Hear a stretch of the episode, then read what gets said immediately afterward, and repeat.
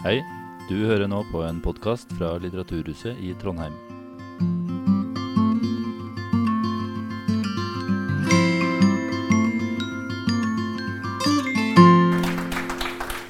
Ja, tusen takk. Hvordan påvirker genene livene våre? var tittelen på denne sesjonen. Og Lone Frank sin bok 'Våre vakre gener', som kom ut i Danmark i 2010, i Norge i 2012, eller på norsk i 2012, er utgangspunktet for den samtalen her. Den boka er kåra til en av årtusenets beste sakprosabøker.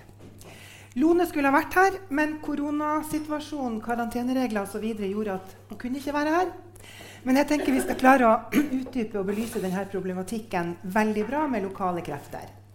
Og for å gjøre det så har jeg med meg ytterst til deres venstre side her Magnar Bjørås, professor ved Institutt for klinisk og molekylærmedisin. Magnar er i det siste mest kjent for å ha utvikla en ny koronatest. Men han har i mange år forska på eh, gener, hvordan gener endres, hvordan gener uttrykkes, påvirker oss osv. Så har vi Leif Edvard Ottesen Kenner, psykologspesialist og professor ved Psykologisk institutt, eller Institutt for psykologi, heter det. Som bl.a. har forska og undervist på atferdsgenetikk, evolusjonspsykologi osv.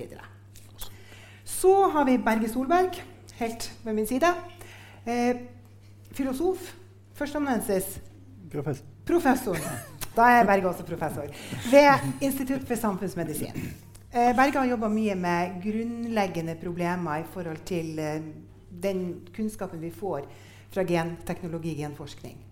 Sjøl heter jeg Solveig Klæbo Reitan. Jeg er professor i psykiatri ved Institutt for psykisk helse og overlege på St. Olav. Og jeg skal prøve å holde styr på tida i dag, i hvert fall. Kunne vi, når vi skal snakke om gener, kunne du, Magnar, ha begynt med en sånn kort repetisjon, og for de som ikke kan det, forklare lett hva er genene? Hva er dette arvematerialet som Watson og Crick fikk Nobelprisen for å ha oppdaga i 62? Ja, arve, Arvematerialet er rett og slett en stor, kjempestor kokebok. Den har uh, i alle fall 25 000 oppskrifter. Vi har sannsynligvis uh, enda flere enn det vi vet om i dag, men de 25 000 vi snakker om mest, det er det vi, de lager de oppskriftene vi kaller proteiner. Og så er det jo sånn at eh, det som er fantastisk, er at du har akkurat samme oppskriftsboka i hjernen, i hjernecellene som du har i levercellene, som du har i hjertecellene. Og så kan man spørre seg hvorfor er de cellene så forskjellige? Og det er fordi at en bruker ikke alle oppskriftene. En bruker et utvalg av oppskriftene som gjør at en hjernecelle er en hjernecelle og har de egenskapene som kreves for at hjernen skal fungere. På samme måte så bruker hjertet et annet sett av oppskrifter eller gener som da gjør at hjertecellene har de egenskapene som kreves for at hjertet skal fungere. Og så gir jo da spørsmålet er,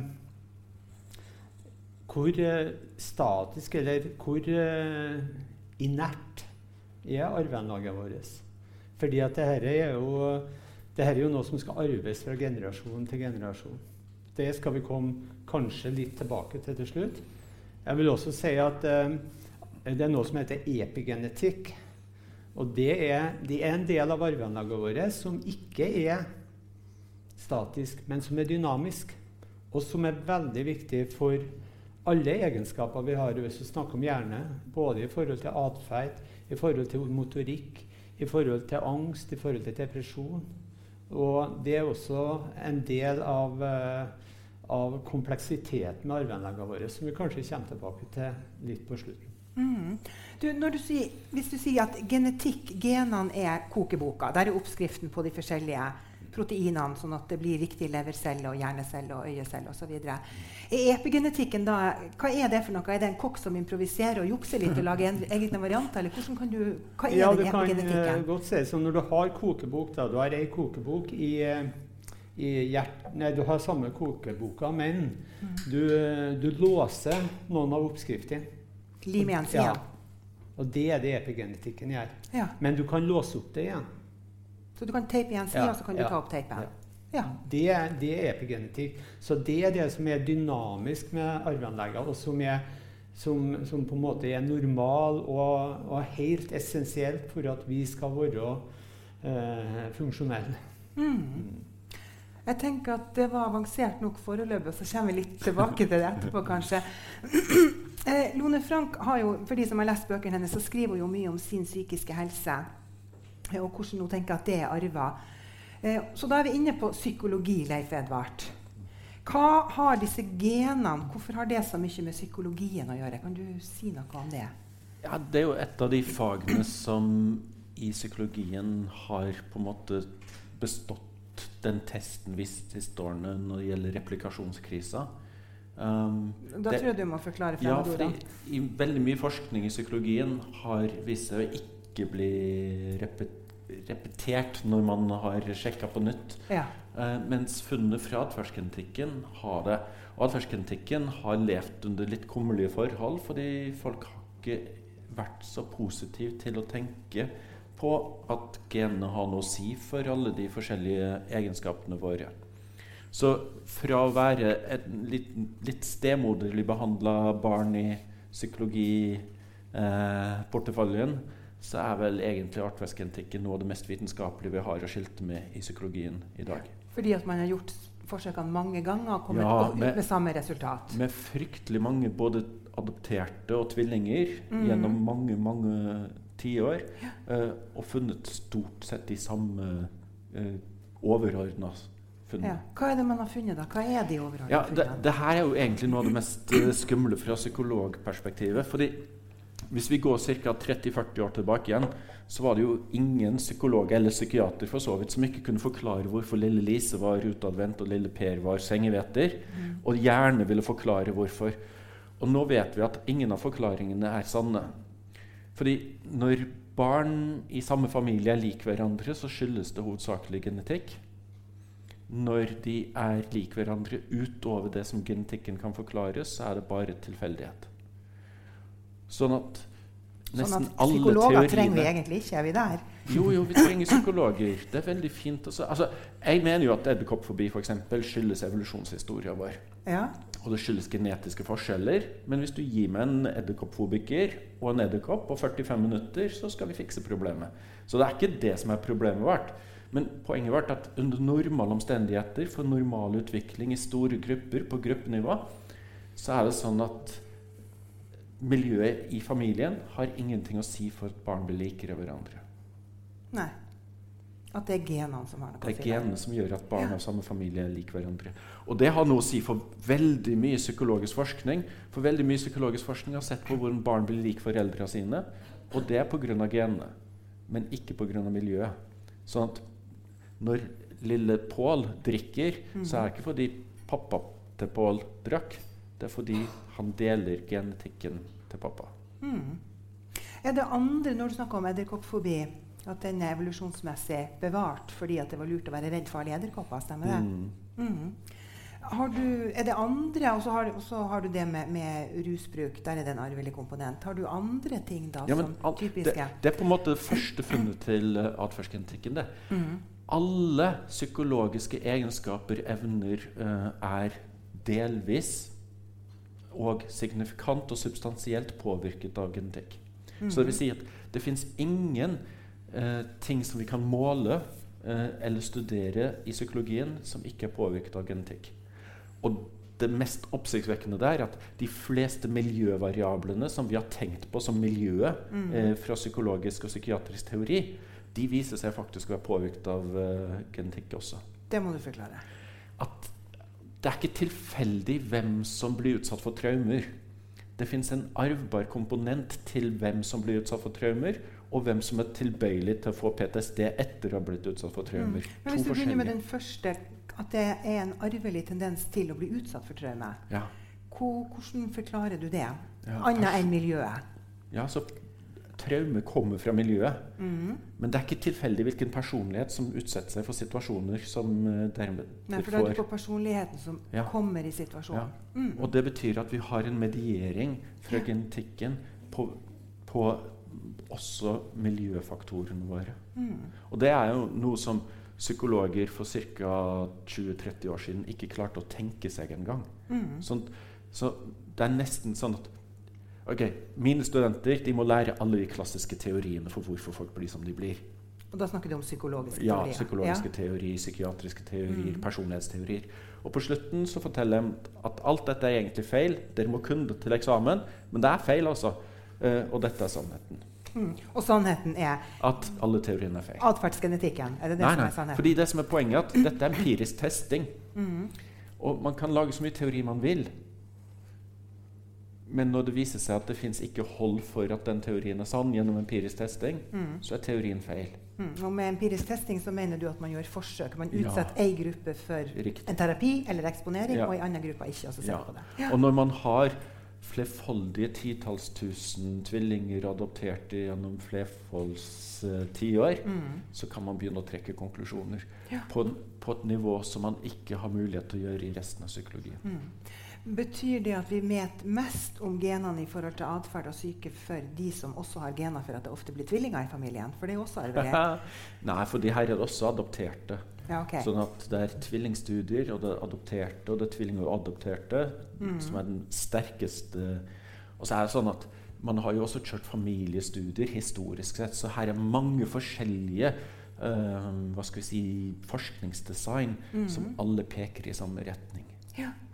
Du har vært opptatt av det med evolusjon òg. Hvilke Ja. gener, egenskaper, det som er bevart? Kan ikke du si litt om det? Jo, og det er litt spennende, fordi når man ser på når man ser på arvbarhet, som er det som vi snakker om når vi snakker om uh, atferdsgenetikk, da er det forskjeller i genetikk i populasjonen på gruppenivå som forklarer forskjeller i uttrykk og egenskaper på gruppenivå. Mm.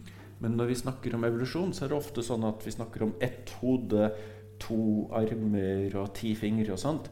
Og det, det er sånt som eh, evolusjonsprosessen gjør. Evolusjonsprosessen tar ofte tak i genetisk varians Mm. og redus, reduserer den gjennom seleksjon. Du får, ja, først så har du mange forskjellige. Nå bare Ja. prøver å forklare veldig sånn enkelt. Ja. Og så er det én eller to egenskaper som viser seg å være nyttig i det samfunnet du lever. Ja. Og dem, dem som har de egenskapene, dem vil få mange barn og, og leve videre, mens de andre vil dø ut uten Ja, arvinger. hvis, vi, hvis vi begynner med noe så banalt som manglende frykt for løver på svanen Mm. eh, Hvis du får gener for frykt for løver, så vil de som har frykt for løver, få mer babyer. Så En av de viktigste tingene i evolusjonstenkninga er få barn ha sex før du blir spist. Mm. Men det er, også, at- det er også noe med å ta vare på de ungene du har fått. Ikke Ja. bare få unger, Ja. men ta vare på dem. Og Derfor er jo angst for eksempel, en nyttig egenskap Det er kjempelurt å ha frykt. Det er ikke sikkert at det er lurt å ha angst. Nei. Men det at vi har angst, det er et uttrykk for at vi har den frykten. Riktig. Men, men du, du beskriver da at de som hadde de genene som ikke var så nyttige, eller som var rett og slett unyttige, de har ikke formert seg videre. eller Ungene deres er, de er døde. De er spist av løver. Ja. Ja. Men vet vi helt sikkert at det er sånn at de genene er helt borte? Nei. For det er noe som Magnar sier, kanskje man bare har limt igjen de sidene i kokeboka? Ja, nei. Altså, hvis vi begynner på et uh, spennende sted, f.eks. hvor mange er det så Ok. Um, en, en angstlidelse som er veldig spesiell og litt uh, uvanlig, er jo sånn blodfobi, der man svimer av. I motsetning til alle de andre, inkludert panikk, der man er redd for å svime av. Så i panikklidelse så prøver å lære pasienten at det kommer ikke til å skje. Men hvis man har blodfobi, eller, som også heter blodskadesprøytefobi, så svimer man av. Og det er jo lurt, fordi det er, det er ikke nødvendigvis sånn at det å løpe rundt i skogen og sprøytelakkere den eh, rød når man har alvorlig sår, er så veldig lurt. Men det er ikke så mange som har den. Og det samme gjelder jo edderkoppfobi. Det er jo ikke alle som er redd. Altså, jeg er helt sikker Vi kunne hatt en håndsopprekning her inne. Hvor mange her ville satt veldig lite pris på å holde en edderkopp nå? Ja. Og sånn er det alltid. Så vi har alltid, Dette er en av de enkleste tingene å leke med for min del, som liker å reise rundt i Norge med en edderkopp og demonstrere hvordan man behandler det. Så er det sånn det, det er en av de angstene som nesten er alltid til stede i en liten gruppe mennesker. Men ikke alle. Er det noen her som hadde rett og slett ikke i det minste vært redd eller kjent noe ubehag hvis de måtte holde en edderkopp? Da tør jeg ikke rekke opp hånda. Men det er noen som gjør det. Se, og det, det her er så fascinerende, fordi noe sånt er under Har vært under seleksjon gjennom Ja. lang tid. Men husk, det er lenge, lenge, lenge lenge siden edderkopper faktisk var farlig. eh, for, for eh, folk som hovedsakelig befinner seg i Norge. Mm. Nå er det sånn at eh, det fins noen arter fremdeles i Afrika som er skumle. Mm. Um, men de fleste farlige edderkopper er jo steder som ikke var relevant for oss evolusjonsmessig, nemlig Australia. Mm. Fordi vi har aldri evolvert. altså De som er her i dag, har ikke vært der. Nei. Men bjørnefobi er en kjempefin ting. Ja. Eh, fordi bjørnefobi er jo noe som, som man har spesielt hvis man har hytte i lierne. Mm. Eh, men, men da må du huske at det er jo for bjørner som er fantasibjørner. Ja. Og fantasibjørner er veldig forskjellige fra normale bjørner. Fantasibjørner gjemmer seg bak treet utenfor hytta, klar til å spise deg det du tråkker ut av huset. Mens ekte bjørner gjør alt de kan for å unngå mennesker. Ja. For de har jo også håndtert problemet med å bo her i Skandinavia sammen med forholdsvis farlige mennesker i veldig mange tusen år. Ja. Jeg tenker at Vi skal snakke litt om dette etterpå. Jeg er veldig nysgjerrig på hva Magnar tenker om dette. Er de der sidene gjenlimt eller ikke? Men vi kan bare høre litt for utgangspunktet for boka, for denne samtalen, var Lone Frank sin fascinasjon for genetikk. For hun fant ut og det er sånn, Du ligner faren din. Den har jeg hørt så lenge jeg kan huske. Eh, og hun oppdaga at hun hadde samme problemene som faren, og så begynte hun å skjønne at dette handler faktisk om gener. Og så ble hun veldig nysgjerrig på det. Og hun beskriver jo i sine bøker og i sine artikler direkte, i hvert fall indirekte, det er veldig tydelig at hun syns det gir mening. Det har gitt mening i livet hennes å skjønne at dette handler om genetikk, og så er hun blitt genetikknerd. Er det Berge, vanlig at, at det er et eller annet sånn Man føler at noe faller på plass? At det er eksistensielt viktig å vite noe om genene?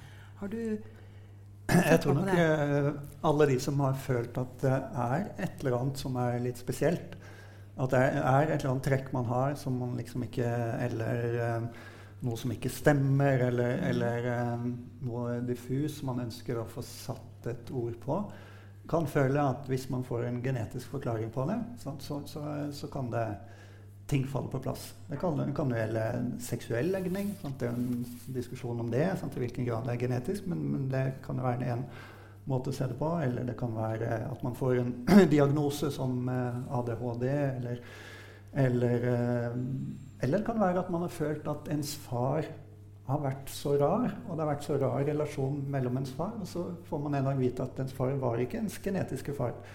Eh, og da faller ting på plass. Sant? Så, så, så det har jo det, genetisk informasjon har jo det elementet der av, av liksom at, at det kan bekrefte eller, eller eh, liksom ja, stadfeste noe som man har hatt en mistanke om, og på, på sett og vis kanskje virke frigjørende sånn sett. At nå skjønner jeg hvem jeg er. For det er jo det som er Lone Frank sitt prosjekt. Det, er, det, er, det er jo det å gå søke da mot genetikken og, og mot uh, andre vitenskaper og finne ut mer hvem, hvem er jeg. Uh, og hun føler at hun lykkes med å gå den veien. Ting faller litt mer på plass når hun Mm. eh, skjønner disse tingene. Jeg Er genene litt sånn substitutt for den, vi som vokste opp på bygda i gamle dager? Vi vet jo at Gamle folk vil jo veldig gjerne fortelle om gamle dager, og du hører om dine slektninger, oldeforeldre osv. Og så er vi litt løsrevet fra det i dag. Blir vi derfor veldig søkende etter disse genene rent Ja, teknisk? det, det kan det godt hende. Altså det vi har sett, eh, det Lone Frank gjør, er jo å eh, Hun eh, tar disse spyttprøvene som hun sender til amerikanske firmaer for genetisk analyse. Og det har vi sett mange hundre tusen nordmenn også har gjort. Eh, og mange av de nordmenn som har gjort det, det er jo fordi de er interessert i slektskapsproblematikk og finne ut hvor kommer jeg egentlig fra. Det har kanskje ikke tatt så av i Norge som det har gjort i USA. Der er man veldig vill på det. Og, og det kan kanskje i enda større grad bekrefte poenget ditt da, med at eh, sant, man søker en, en slags identitet. Hvor Mm. kommer jeg sånn egentlig fra? Og USA er jo et land med relativt kort historie. Sant? Og mange er liksom på søken etter hvor, hvem er jeg sånn egentlig. Så, så der har du fått et voldsomt sånn, eh, marked da, for eh, kommersielle gentester som kan forklare også på en måte hvor, hvor, hvor ligger din eh, historie, hvor mye eh, ditt og datt er jeg genetisk sett. Mm. Men har det, da blir det litt sånn, sånn, sånn drive etter å få testa genene sine for å at det skal falle på plass hvem du er. mm. Har det der noen eh, negative sider? For alt som er amerikansk og blir voldsomt, det blir jeg litt skeptisk til. Ja, altså det, det er klart det, det, Jeg holder på med etikk, og etikk Ja. er jo opptatt av negative sider. Det er liksom jobben min. Og Genetisk informasjon er jo noe vi har, vi har vært eh, veldig opptatt av å problematisere. Jeg satt eh, 13 år i Bioteknologinemnda, og da gjorde vi jo ikke annet enn å problematisere. Sant? Og, bare det at vi hadde en bioteknologinemnd oppnevnt på 90-tallet og en bioteknologilov, som tyder på at samfunnet syntes dette var litt vanskelig. Og det vi syns er vanskelig, det er jo f.eks. disse prediktive gentestene. Uh, gentester som du da kan ta tidlig, Prediktiv, da mener du gentester som kan forutsi sykdom? Forutsi sykdom. Ja. Det er litt sånn spådomsevner uh, over dem. Mm. Men for de familiene som det gjelder, som, som, uh, hvor det er arvelig sykdom i familien, så, så er det, jo, det er jo fryktelig mørkt og fryktelig alvorlig. Og da er det klart at eh, et barn sant, som kan da gentestes for en eh, veldig alvorlig og forferdelig sykdom, som kanskje mm. bryter ut i voksenlivet og så skal du da leve det, hele det livet med den informasjonen om at du kommer mest sannsynlig til å bli syk i 35-45-årsalderen mm. av en forferdelig sykdom som også kommer til å ta, ta livet ditt. Da tenker du litt sånn Huntington og Huntington sykdom er en sånn mm. sånn sykdom som kanskje mange har hørt om, som er, som er, veldig dramatisk. Og det finnes jo en hel del andre sykdommer. og Derfor har vi jo fått en del lovverk på plass, f.eks. at det er, det er forbudt å, å genteste Eh, barn eh, for eh, altså den type prediktiv gentesting dersom da man ikke kan gjøre noe fra eller til. Så mm -hmm. det har mhm. kommet en del slike ting.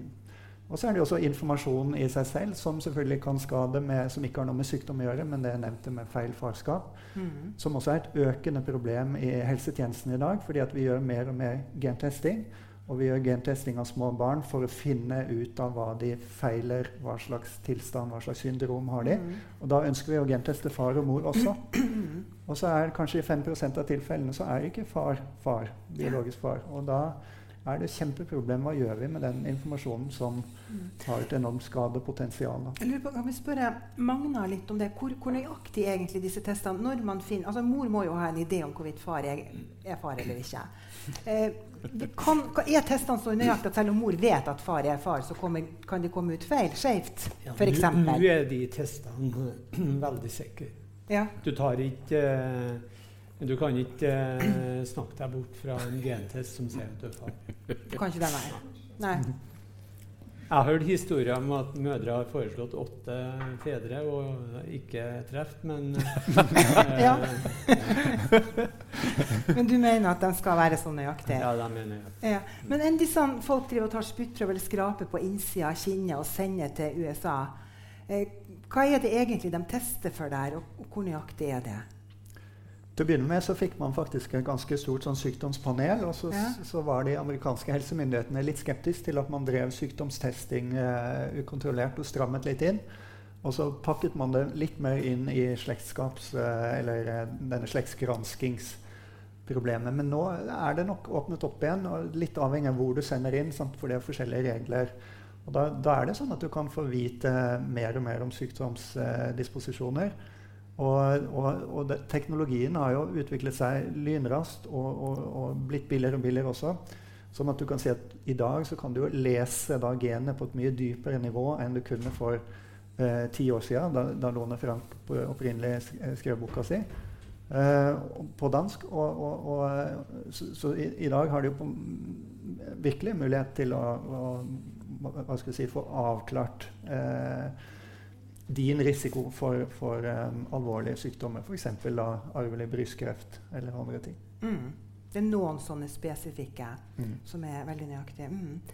Uh, men uh, det er ikke, altså Huntington og arvelig brystkreft og de der, der, der er det ett spesielt gen. Da, da, er det veldig enkelt ja nei. Men så er det jo mye annet som påvirker. For du Magnar, var inne på det at du kan lime igjen disse. Du har denne mm. epigenetikken. Eh, hvordan er det med livet generelt? Eh, sykdommer. Eh, kan du si litt om det? Hvordan epigenetikken påvirker? Du har på en måte to, to, ting. Du har også det du kaller naturlige varianter. altså Polymorfisme. har du hørt om. Det at vi er forskjellige, at noen har blå og noen grønne øyne? Eller? Ja, blant annet. Men det, ja. det, gjelder jo gjennom hele arveanleggene våre. Så nesten i alle oppskriftsbøkene mm. så finner du varianter. Og du finner uh, varianter som er mer spesifikke for uh, asiater, for uh, afrikanere, for uh, europeere osv. Mm. Men dette spiller jo også til en viss grad inn da, i forhold til sykdom, selv om vi ikke kaller det sykdomsframkallende gener. Ja. Og der er det igjen et, kan det være et samspill med det vi kaller epigenetikk. Men det er viktig det her, det, det her vi kaller polymorfismer, de er der konstant. De er en del av arvematerialet som gir uh, variasjon. Men epigenetikken den er som sagt dynamisk, og den kan endre seg på basis av miljøet. Mm. Vi, og det er det masse studier på. Det gjøres veldig mye på hjerneforskning bl.a. At du kan avlære ting, og du kan lære ting. Og det du i stor grad regulerer da, det er det vi kaller epigenetikk. altså. Det at mm. du limer sammen noe, åpner opp noe. Du justerer kanskje nivået av Hvis du sier du vil ha ti wienerbrød, så kan det være greit å ha ett wienerbrød. Mm. Og det, sånn er det jo. Der konsentrasjonene du har i cellene dine, er helt avgjørende for, uh, for hvordan cellene funksjonerer. Ja. Er dette noe som skjer fra generasjon til generasjon, eller skjer det med oss gjennom livet? Det er et interessant, uh, veldig interessant spørsmål, og det er noe som er vist de siste to-tre åra. At faktisk epigenetikk kan jo til en viss grad uh, arve. Så hvis du har hatt en, en veldig traumatisk eh, opplevelse, så får du endringer i epigenetikken på kjønnsceller som du faktisk da kan arve videre. Så epigenetikken er, ja, den er veldig dynamisk, men den er faktisk også til en viss grad arvelig. Mm. At uh, hvis du har traumer mm. En gang i livet, så kan barnebarna dine faktisk være påvirka av det? Ja, det er, de senere årene, det er noe som vi, vi, på en måte ikke har uh, trodd så mye på. Mm. Uh, men nå kan du faktisk, når du går ned på molekylærnivå og ser på hva som skjer på arveanleggene, så ser du at det faktisk kan endre seg i en kjønnscelle. Kan du forklare egentlig hva som skjer, så enkelt at jeg skjønner det? Nei, det er, du, vi, har fire, vi, har fire, byggesteiner i arveanlegg. Og det er rett og slett at du limer på en, et ekstra atom, eller noen ekstra atomer. Du setter på en uh, uh, sånn at det som skjer når, opp, når, når uh, celler skal lage et nytt protein fra et gen, fra den oppskrifta, mm så har du en, en startsekvens. I den startsekvensen så skal hele bakeriet binde seg og begynne å lage det bakverket. Mm. Men, men, slår du av eh, nær sagt eh, stekeovnen, så, så, starter det ikke. Så blir det ingenting. Nei. Og det, det, er rett og slett kjemiske endringer som skjer på arveanleggene. Men det som er med de kjemiske endringene, de kan også reverseres. Mm. Så det kan du si hvis du har en veldig en, en, en, en fantastisk opplevelse, så kan du observere eh, kjemiske endringer på noen av de genene som er assosiert med glede. Ja. Men hvis du eh, på en måte ikke gjenopplever den, og nærmest kanskje opplever noe som er, har motsatt fortegn, mm. så kan du òg risikere at det forsvinner. Ja. Den Så kan, den modifikasjonen, modifikasjonen går ja. begge veier. Ja. Hvis du opplever noe men Kan du si at det er sånn på en måte du har disse bokstavene mm. som genene er bygd opp av, og så får du små krummelurer på bokstavene? Er det det vi snakker om med de ekstra? Så du får en sånn krøll ekstra? Eller, en ekstra formskrift. Ja, ikke sant. Eh, men det betyr at det, det, er ikke bare sånn at når du opplever noe grusomt traumatisk, mm. så forandrer det seg, men også det å oppleve gode ting gjør at det forandrer seg. Absolutt. Så du kan på en måte spare opp det Epigenetikken foregår hele tida. Mm.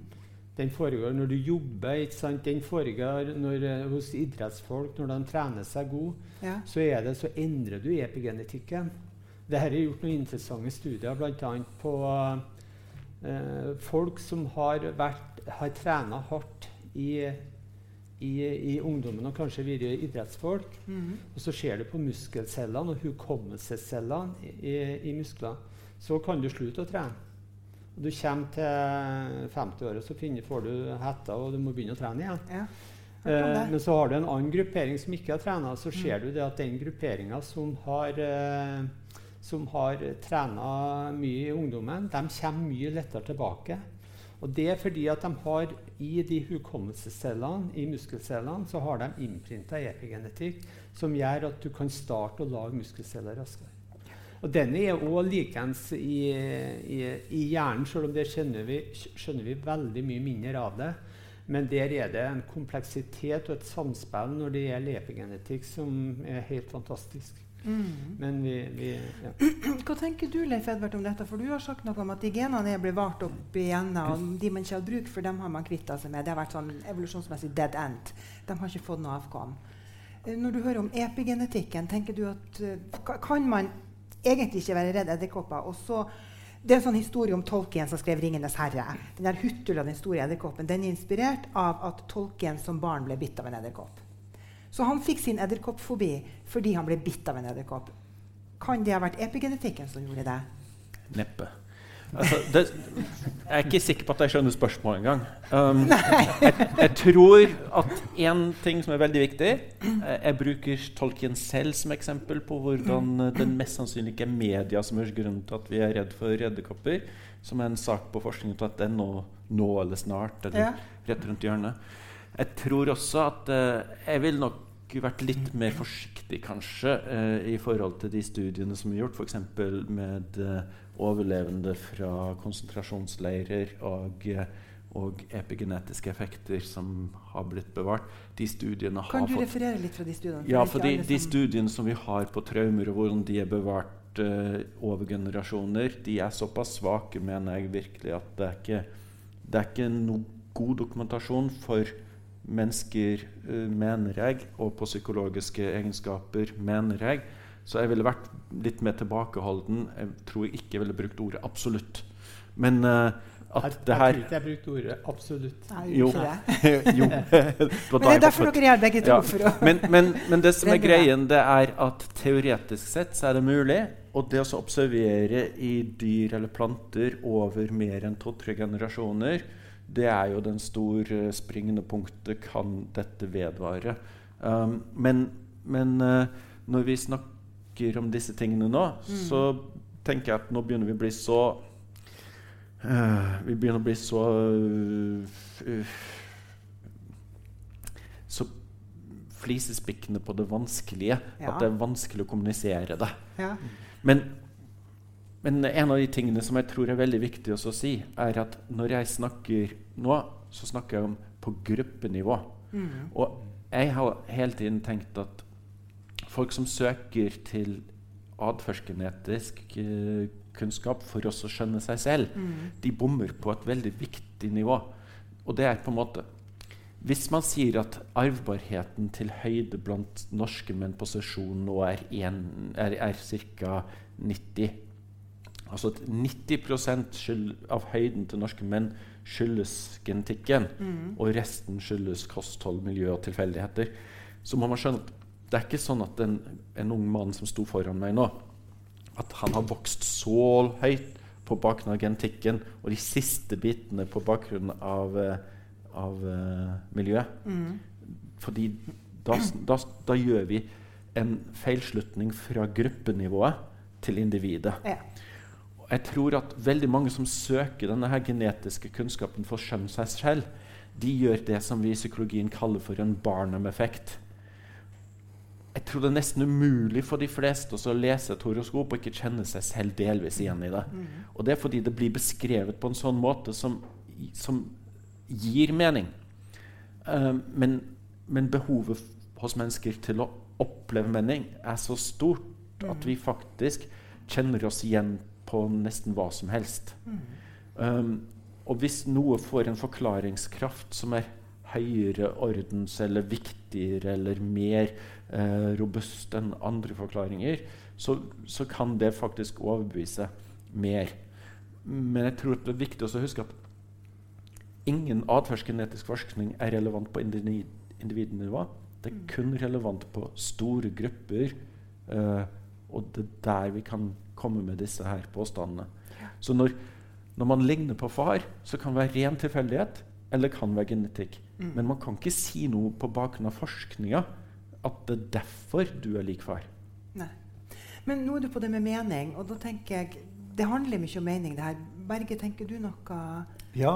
Eh, jeg er veldig fascinert av atferdsgenetikk. Og, og, det tror jeg sikkert alle i salen er også. Og, og vi, vi, vi, ble jo veldig fascinert av det også i, i disse programmene som rystet Norge, som eh, Harald Eia sto for med hjernevask. Eh, det, det, som er litt vanskelig, som, som jeg syns liksom er en utfordring, det, det, er, det, er, kanskje det du er inne på nå. Hvordan tenker det inn i, i livene våre? For ja.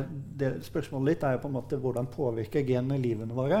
Og da kunne man jo tenke også, ja, hvordan bør de påvirke livene våre? Så hvis vi nå i større grad enn tidligere har kunnskap som da tilsier at eh, mange av våre personlighetstrekk. Eh, er du utadvendt eller innadvendt? Eh, er du eh, nevrotisk eller ikke? Sant, hvordan vi er. Mm. Altså, ting som, som, som, er helt klart genetisk bestemt.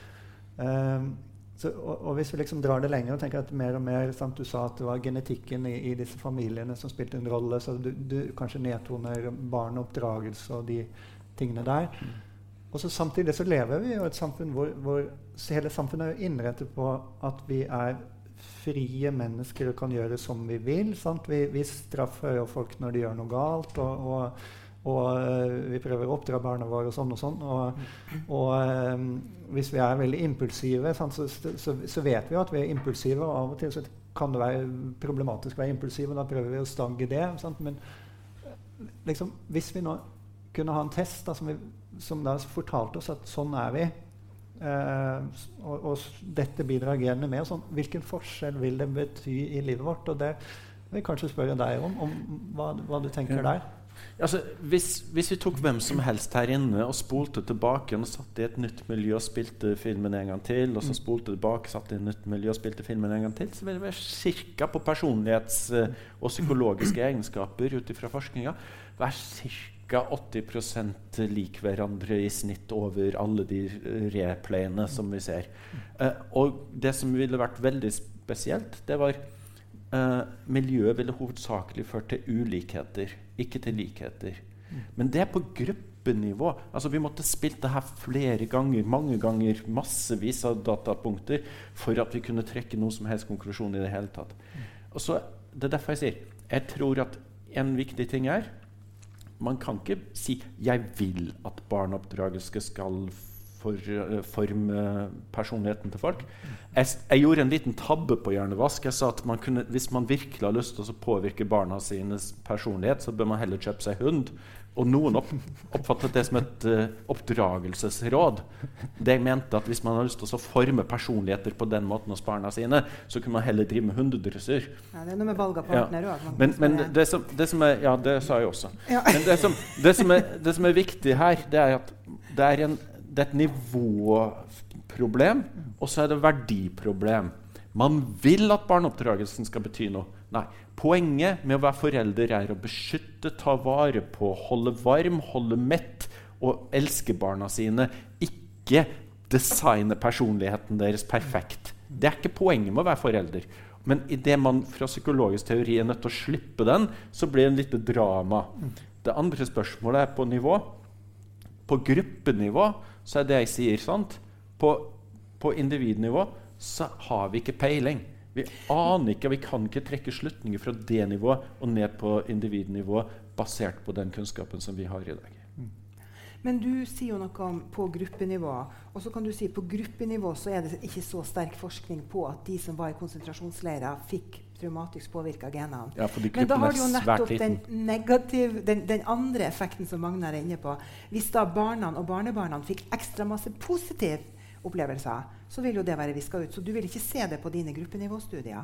Nei. De mekanismene Magnar beskriver. Jeg, jeg, si ja. det, det, jeg, jeg, tok fram det med traumer som et eksempel på at du kan endre visse gener. Mm. Men ikke sånn kompleksiteten i det her, det kjenner vi ikke. Men det her er mer for å, å skjønne det vi kaller molekylære mekanismer som styrer ulike proteiner og deres funksjon. Mm. Men det å forklare eh, atferd, altså hjernefunksjon generelt på gennivå, vi er milevis unna i dag. Ja. Vi har begynt å nøste i det, men det er så komplekst. Mitt poeng her det var bare å og folk skal være klar over at vi har, her, vi har dynamiske endringer, vi har naturlige varianter. Og det er et samspill her som helt klart har betydning også for atferd. Mm. Men, men vi, vi, forstår det selvfølgelig ikke ennå. Nei. også er det noe med at det er greit å vite at traumer kan gjøre det dårligere. Ja. Men det er jo fint å vite at gode opplevelser kan gjøre det Bare bedre. for ta å si med det oss det, sånn, det kan være at et traume faktisk da du kan tenke deg at det har helt ulike konsekvenser for to ulike personer. Og da snakker du både om de her naturlige variantene, du snakker om epigenetikken og hvordan du er disponert også i forhold til epigenetikk. Mhm. ja. Så det er komplekst. Ja. Mhm. Det er komplekst, og det er kontraintuitivt. Fordi det er noen teorier som vi prøver å bevare og holde på. Mm. Men f.eks. når jeg gikk på psykologskolen, så var det sånn at vi tenkte på en måte at miljøet legger seg stadig vekk på individet, og at du er som en slags snøball som triller gjennom livet og blir mer og mer påvirket eh, jo mer du lever. Mhm. Men f.eks. på IQ og eh, små barn så er det sånn at du er likere adoptivforeldra dine når du er tre, fire, fem år. Og så er du likere foreldra dine biologisk når du er 20-25 år. Mm. Sånn at jo lengre du lever, jo likere blir du uh, foreldra dine. Og fra et psykologisk perspektiv så er jo det noe de fleste har opplevd. Før eller siden så åpner, mun åpner du munnen din, og så kommer mamma ut. Ja. Og, det, og det, det, er på en måte noe de fleste har opplevd i livet sitt. At de blir faktisk, samme hvor mye de prøver å stritte imot, likere foreldra sine. Men da vil jeg bare si igjen det er ikke tegn på at atferdsgenetikken er sann. Det er tegn på hvordan vi som mennesker er utrolig flinke på å se sammenhenger, også der det ikke finnes sammenhenger. Mm. Men på gruppenivå så er det sant at man blir stadig vekk likere de biologiske foreldrene jo mer man har blitt utsatt for de adoptivforeldrene man har hatt. Og det er veldig overraskende, og noe som ikke psykologien hadde hatt noen sannsynlighet for å dikte opp en teori om, men som vi nå vet. At på et intelligensnivå så blir vi stort sett den vi skal være, uavhengig hvilken skole vi har gått på, hvilken, hvilke foreldre vi har hatt, hvilken oppvekst vi har hatt. På gruppenivå igjen. På For noen er jo gruppenivå. det vi kaller, vi har disse løvetannbarna. Det går bra uansett hvor dårlig de blir behandla. Men så har vi orkidébarna òg, som hvis ikke de har optimale forhold, så går det ikke bra. Ja, og der har vi nok Så- et problem innen psykologisk forskning. Fordi atferdsgenetikken som har prøvd å se på interaksjonsforskning, gen-miljø-interaksjon, de har en replikasjonskrise. Så på listen min her Nå snakker ikke du om replikasjon av gener, sånn som Magnar og jeg Nei, tenker. nei, nei, du tenker replikasjon av forskning. om- ja, nei, ikke Dawk- Ikke Dawkins replikant, men uh, nå snakker jeg om uh, vitenskapelig replikasjon. Og da er det sånn at en av de tingene som man håpte skulle være sant, det er at vi kunne begynne å spesifisere hvilke genotyper i hvilke miljø vil gjøre det bedre, og hvilke vil gjøre det dårligere. Så viser det seg at vi har problemer med å replikere de studiene også. Mm. Nå kunne vi ha snakka kjempemasse om dette, og jeg tenker det var veldig bra at vi hadde dere alle tre med for å belyse bredden her. Og, men vi er nødt til å begynne å avrunde pga. tid, og det skal sikkert koronarenses osv. Men jeg har bedt dere komme med en kort appell, oppsummering, på ett minutt hver nå før vi avrunder. Vil du begynne, Leif Edvard? Ja, jeg hadde ti punkter med meg og har klart å snike inn nesten alt mulig her. Uh, men uh, en av de tingene som jeg tror jeg skal avrunde med, er atferdsgenetikkens tre lover. Og det er hvis man er lik foreldrene sine, så skyldes det genetikk. Det å vokse opp i samme familie gjør ikke folk likere. Og mesteparten av personligheten er påvirka av miljøet, men ikke de faktorene vi tror på, og egentlig så kan det kalles tilfeldighet. Så hvis man tenker på gruppenivå igjen personligheten er mest påvirket av tilfeldighet, deretter av genetikk, og ikke i det hele tatt 0 prosent av oppdragelse og delt familie. Ja.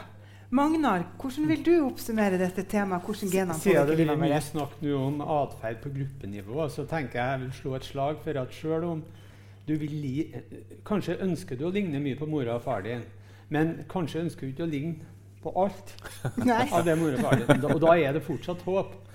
Fordi at du har de her dynamiske endringene som kan gjøre nyanser, som da gruppetesting ikke eh, avslører.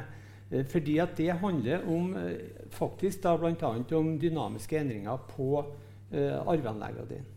Og det, så det er på min, jeg tror Etter det vi har snakka om nå, så tror jeg ikke jeg tenkte jeg skulle snakke om genterapi. Og, men vi har ikke kommet inn på den biten. Men jeg, jeg, jeg, tror de dynamiske endringene dem, eh, dem, kan du bruke til noe godt.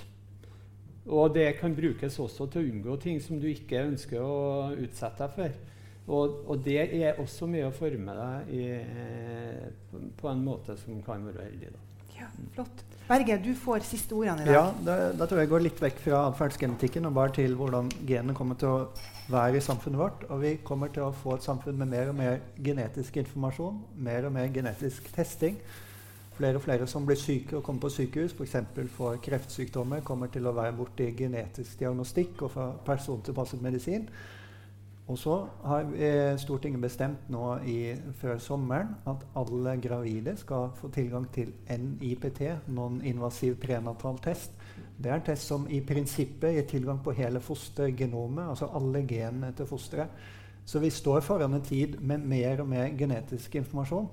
Og da gjelder det på en måte å bruke den informasjonen klokt. Og det kan også være måter å bruke den på som er uklok, og som legger eh, hva skal vi si, en demper på livskvaliteten i menneskets liv. Tusen takk.